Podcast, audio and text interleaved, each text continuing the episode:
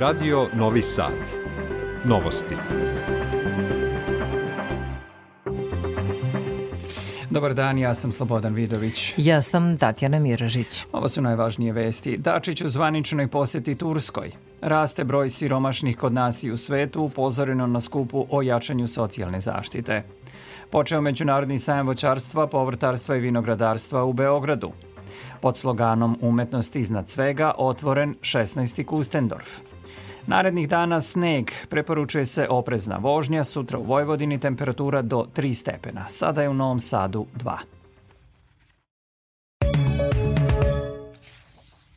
Odnosi Srbije i Turske na istorijskom su maksimumu, poručili su ministri spoljnih poslova dveju zemalja Ivica Dačić i Mevlut Čavušoglu. Na sastanku u Turskoj razgovarali su i o jačanju ekonomske saradnje i infrastrukture, kao i o aktuelnoj situaciji na Balkanu, pripremila Vesna Balta.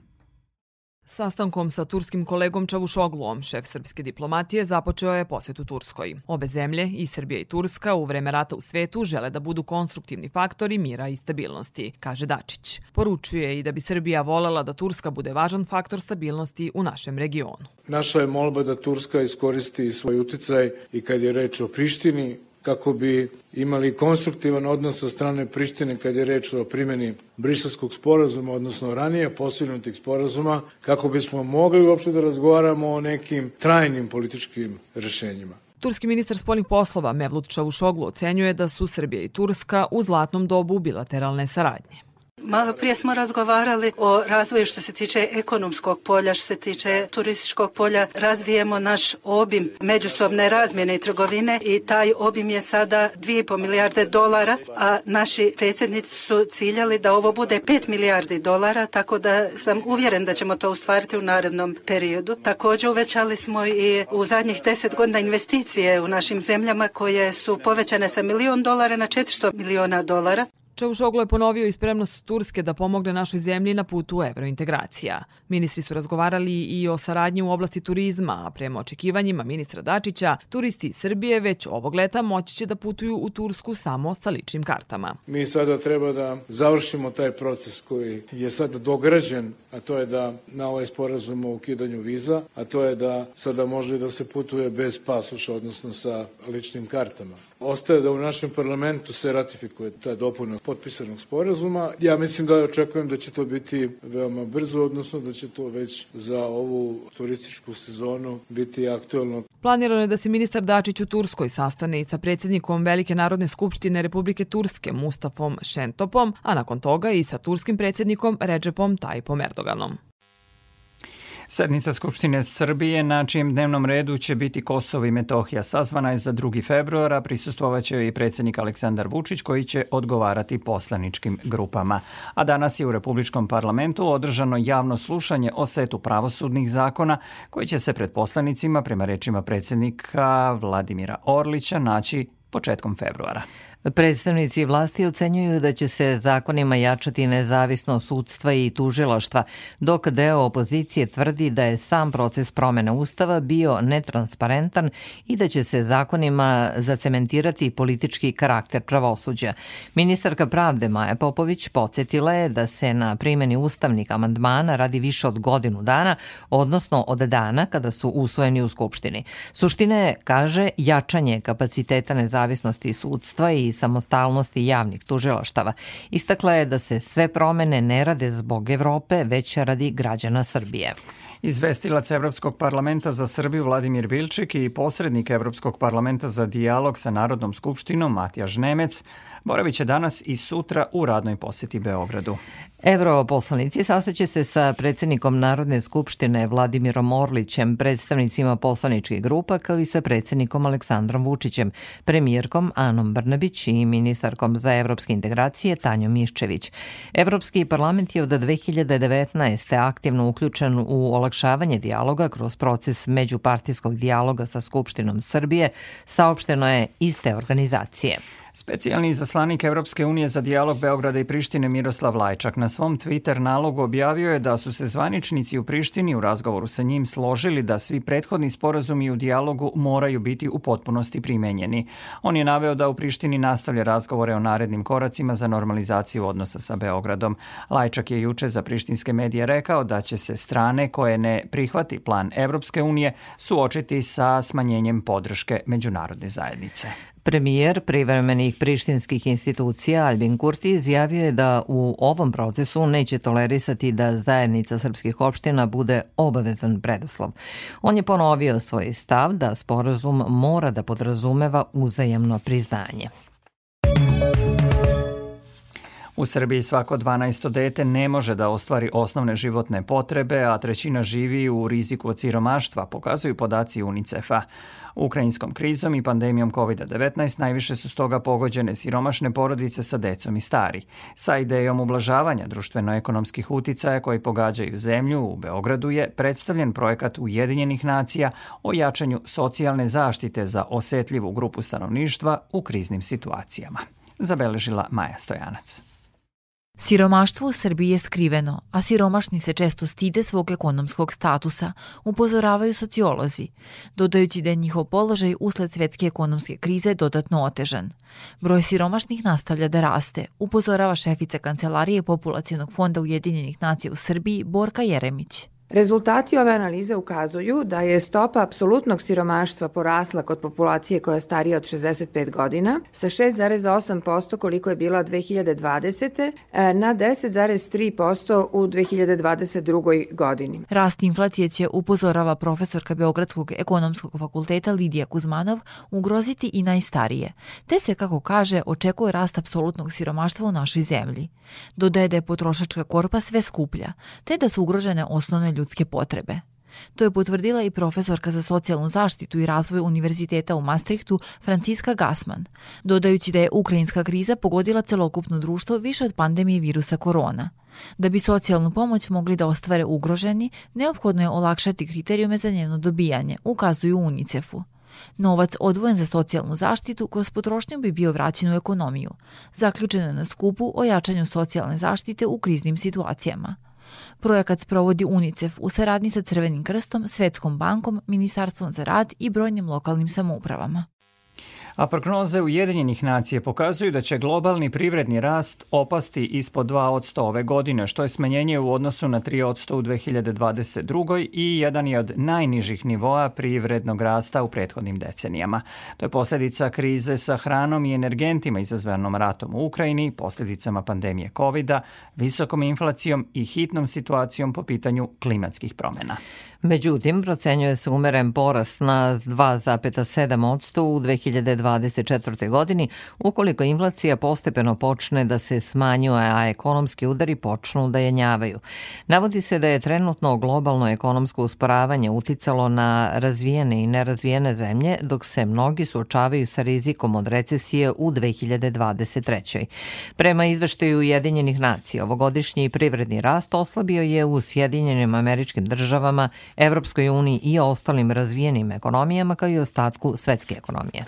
Ruske snage su ušle u predgrađe Ugledara, tvrdi Igor Klimakovski, savjetnik vršioca dužnosti lidera Donjecke narodne republike, koju Rusija smatra svojom teritorijom. Ističe da u tom gradu traju borbe sa ukrajinskom vojskom, preneo je TAS. Ruski ratni avioni zasuli su jutro s raketama Ukrajinu, dok su snage protiv vazdušne odbrane obarale dolazeće projektile, javlja Reuters. Ukrajinske vlasti navode da su ruske trupe lansirale krstareće rakete koje lete sa juga u pravcu severozapada zapada. Gradski zvaničnici Kijeva saopštili su da je ukrajinska protivazdušna odbrana oborila više od 15 ruskih projektila ispaljenih na Kijev u posljednjoj rundi vazdušnih udara. Nemački ministar odbrane Boris Pistorius izjavio je da će tenkovi Leopard 2 koje je Berlin obećao Ukrajini biti isporučeni pre kraja marta. On je dodao da će Kijevu u dogledno vreme dobiti vojnu opremu. Nemačka vlada je ranije danas odobrila slanje tenkova Leopard 2 Ukrajini, Najpre 14 tih borbenih vozila kao i njihov ponovni izvoz iz partnerskih zemalja. Kompanija Meta dozvolit će bivšem američkom predsjedniku Donaldu Trumpu da se vrati na Facebook i Instagram u narednim nedeljama, dve godine nakon što mu je nalog suspendovan zbog napada njegovih pristalica na američki kapitol. Jedan od čelnika Mete, Nick Clegg, izjavio je da bi javnost trebalo da ima mogućnost da čuje šta njihovi političari govore, bez obzira da li je to dobro, loše ili ružno, kako bi mogla da donosi kvalitetne odluke na izborima. Još jedna vest iz regiona. Crna Gora pokreće pokreće svoj svemirski program, najavio je predsjednik crnogorske vlade u tehničkom mandatu Dritan Abazović. Na sednici vlade on je rekao da Crna Gora pokreće razvoj satelita Luča koji treba da bude lansiran u svemir, što će finansirati Fond za inovacije.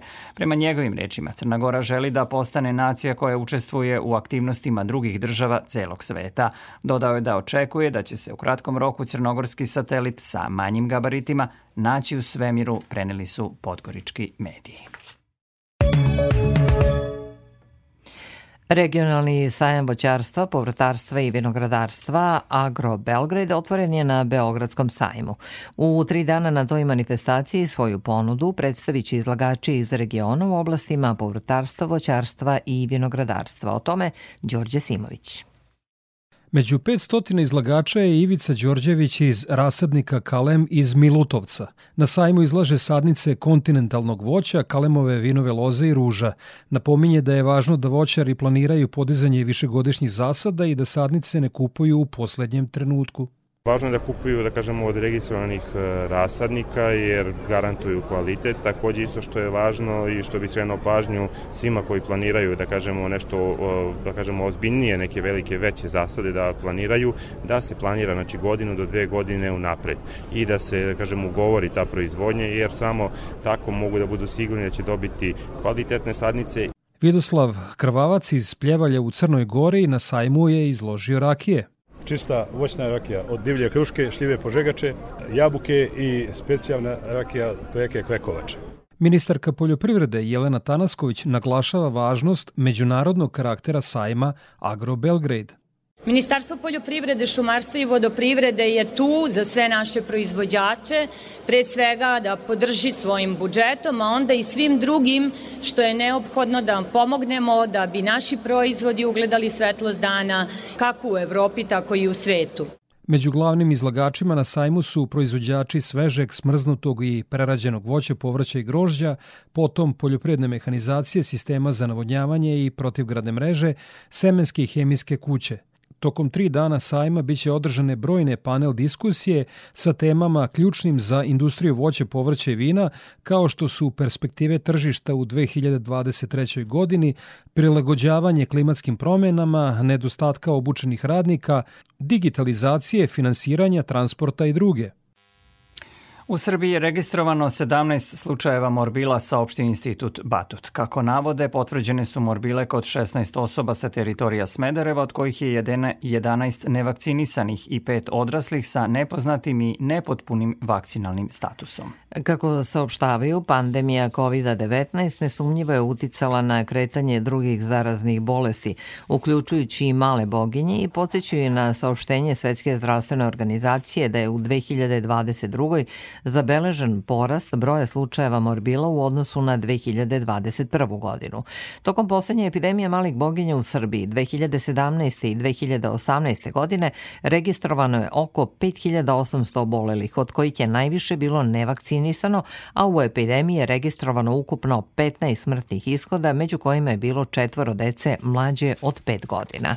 A prošle godine u Srbiji je otkriveno više od 3600 komada falsifikovanih novčanica, od čega je najviše dinara, a slede evri, američki dolari i ostale valute objavila je Narodna banka. Među dinarima najčešće su falsifikovane novčanice od 2000, zatim od 1000. Kada je reč o stranom novcu, najčešće falsifikovani su apoeni evra od 150, što je, kako navode u Narodnoj banci, razlika u odnosu na ranije godine, kada je umesto apoena od 100 najčešće bio falsifikovan falsifikovan apoen od 200 evra. U Srbiji nema takozvane kic droge, saopštilo je Ministarstvo unutrašnjih poslova. Povodom informacija da su se na našem tržištu pojavile psihoaktivne substance u obliku žvaka, takozvana kic droga i snus, navode da se svaka substanca za koju se sumnja da je droga oduzima i šalje na veštačenje u Nacionalni centar za kriminalističku forenziku. Policija u prethodnom periodu nije pronašla takozvanu kic drogu, a razne droge u obliku raznobojnih tableta koje podsjećaju na bombone se pojavljuju već decenijama, saopštio je MUP. Istovremeno naglašavaju potrebu da roditelji razgovaraju sa svojim decom i da ih upozore na sve opasnosti sa kojima se mogu suočiti, posebno da ne uzimaju takve substance ako s njima dođu u kontakt. Od građana i roditelja je zatraženo da informacije pre deljenja na društvenim mrežama dostave najbližoj policijskoj stanici. U saopštenju se dodaje da policija posebno prati bezbednostnu problematiku u školama i u zoni škola i u skladu sa tim preduzima sve mere na suzbijanju svih oblika kriminaliteta, a sprovode i niz preventivnih aktivnosti vezanih za borbu protiv droga. Ovo su novosti. Pod sloganom Umetnost iznad svega, koji je inspirisan kratkim videom o životu nekadašnje prvakinje baleta iz Njujorka, Martine Gonzales i projekcijom filma Trouga o tuge, švedskog reditelja Rubena Estlunda, nagrađenog Zlatnom palmom, na Mećavniku je sinoć otvoren 16. filmski i muzički festival Kustendorf. Do nedelje će biti prikazano 27 filmova, od kojih je 14 takmičarskih, a nagrada Drvo života biće dodeljena akademiku, piscu, scenaristi i reditelju Dušanu Kovačeviću. Iz Drvengrada na Mokroj gori javlja se Goran Vukčević. Kao i uvek na samom otvaranju obratio se idejni tvorac ovog festivala koji je dobio svetsko priznanje za svoju originalnost, Emil Kusturica. Zašto slogan umjetnost iznad svega? Zbog toga što ne živimo u vremenu kada cveta umjetnost, koju smo uvijek vezivali za pojam slobode, živimo u vremenu negacije stvaralaštva i zbog toga što smo se obrili u svijetu spektakla i medija koje mijenjaju našu svijest. To je bio govor usmeren protiv onoga što nas sve tišti, a to su ratovi, globalizam, i porobljavanje čoveka u svakom smislu. Otvoren je festival filmom koji je svakako obeležio proteklu sezonu aktuelnim kanskim pobednikom, trougao tuge švedskog reditelja Rubena Eslunda, koji nažalost, s obzirom da je dobio prinovu, nije mogao da doputuje na Mećavnik, a stvarno jedna nesakidašnja priča o savremenom svetu, o besmislu. Što se tiče glavnog programa u kome se takmiče studentski filmovi, To su filmovi iz 11 zemalja i ukupno ih je 14, a selektovani su iz čak 374 prijavljena ostvarenja studenta filmskih akademija. I tako sve do nedelje uveče kada ćemo znati ko je nagrađen e, zlatnim e, jajetom Kustendorfa srebrnim i bronzanim i ko je dobio nagradu za filmsku kameru koja nosi ime Vilka Filača, saradnika Emira Kusturice, rano preminulog. U novostima i vesti sporta, futbaleri Srbije su pobedili Sjedinjene američke države sa 2-1 u prijateljskoj utakmici koja je odigrana u Los Angelesu rano jutros po našem vremenu. Stonotini Srke Novog Sada od 18 časova igraju revanš meč četvrt finala Lige šampiona protiv poljskog Tarno Brzega. Biće to meč u kojem naše Stonotini Srke nemaju šansu za prolaz u polufinale jer je aktuelni dvostruki prvak Evrope pre dva dana u Novom Sadu slavio bez izgubljenog seta. U ženskom finalu otvorenog prvenstva u Australiji igraće Elena Ribakina i Arina Sabalenka. Naš najbolji teniser Novak Đoković sutra oko 9.30 u polufinalu prvog ovosezonskog Grand Slema igra protiv Amerikanca Tomija Pola. I pred kraj još jedna vest. Zbog mogućeg snega u naredna 2 do 3 dana putevi Srbije savjetuju vozačima oprezu vožnji da koriste zimsku opremu i da prilagode brzinu kretanja zimskim uslovima na putu. Naime, Republički hidrometeorološki zavod saopštio je da se od danas do subote u našoj zemlji može očekivati stvaranje snežnog pokrivača visine od 5 do 15 cm u nižim predelima, a na planinama i više.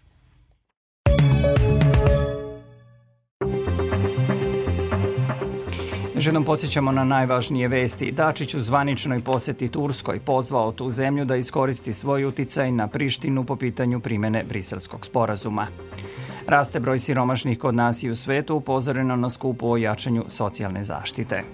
Počeo Međunarodni sajam voćarstva, povrtarstva i vinogradarstva u Beogradu. Počeo Kustendorf, do nedelje biće prikazano 27 filmova, od kojih je 14 takmičarskih. Narednih dana sneg, preporučuje se oprezna vožnja. Evo detaljnije prognoze. U Vojvodini u noći ka petku i u petak oblačno i malo hladnije sa snegom povremeno, osim na krajnjem severu Vojvodine. Očekuje se formiranje snežnog pokrivača visine od 5 do najviše 10 cm do subote na jugu Vojvodine, a na severu svega par santimetara ili ni malo. Minimalni jutra je temperatura od minus 1 do plus 1, a maksimalne od 1 do 3 stepena na severu Vojvodine. U Vojvodini u subotu oblačno i hladno sa snegom povremeno i dnevnom temperaturom oko 1 stepen u većini krajeva. U nedelju oblačno i hladno sa slabim snegom koji postepeno prestaje. Za Radio Novi Sad Stanko Sparavalo, Meteos. Slušali ste novosti prvog programa radija Radio Televizije Vojvodine. Ovu emisiju možete slušati odloženo na sajtu rtv.rs gde možete pročitati i sve važne informacije iz zemlje i sveta. Emisiju tonski realizovao Daniel Manojlović, producentkinja Branislava Stefanović. Pred mikrofonom bili Slobodan Vidović i Tatjana Miražić. Posle Radio Sporta i Vesti u 16 možete slušati reprizu emisije U dobrom društvu.